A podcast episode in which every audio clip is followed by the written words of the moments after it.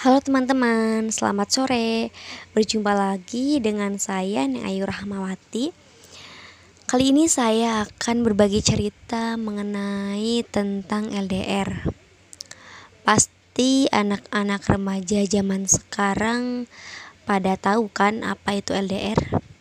Nah, LDR itu biasa eh, diartikan hubungan jarak jauh atau LDR itu singkatan dari long distance relationship. Pasti orang-orang zaman sekarang mengartikan LDR itu berbeda-beda. Ada yang positif, ada juga yang negatif. Tapi menurut saya LDR itu sangat sensitif loh. Kalian pun harus tahu ya, LDR itu sangat sensitif. Mudah salah paham, mudah tersinggung, mudah curiga, mudah beralasan. Itu pasti.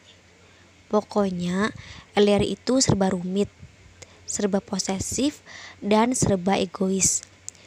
Kecuali kalau emang kamu itu sabar dan bisa saling memahami keadaan. Kecuali kalau emang kamu itu sadar dan tidak maunya sendiri terus. Tetapi kalau kamu egois, Pasti LDR itu tidak nyaman, serba menguras pikiran.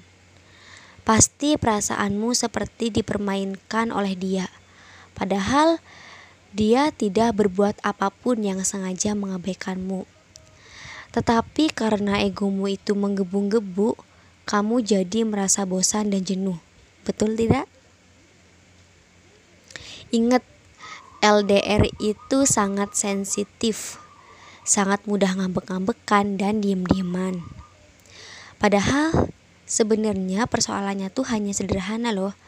Contohnya nih, ketika lambat balas chat atau tidak bilang apa-apa meskipun ada masalah, itu jadi diem-dieman, ngambek-ngambekan, marah, iya kan? Nah, jadi saling berbagi adalah solusinya agar tetap saling menjaga rasa.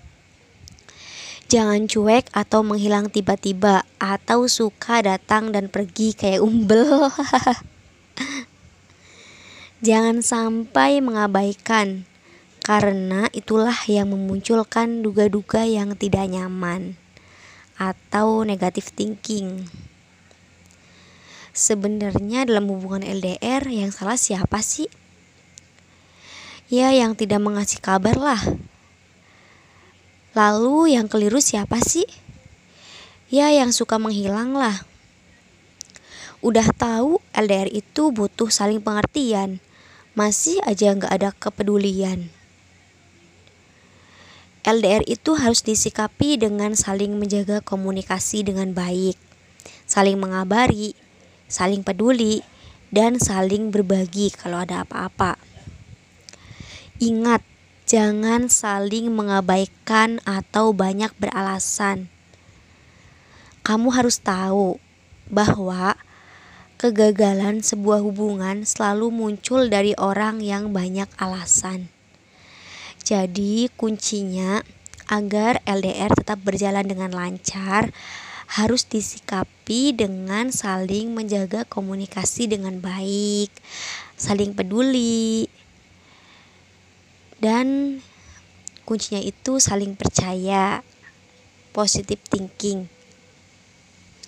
Agar LDR itu atau menjalin hubungan itu hmm, langgeng gitu. Mungkin cerita saya cukup sekian. Semoga bermanfaat bagi kalangan anak remaja Terima kasih.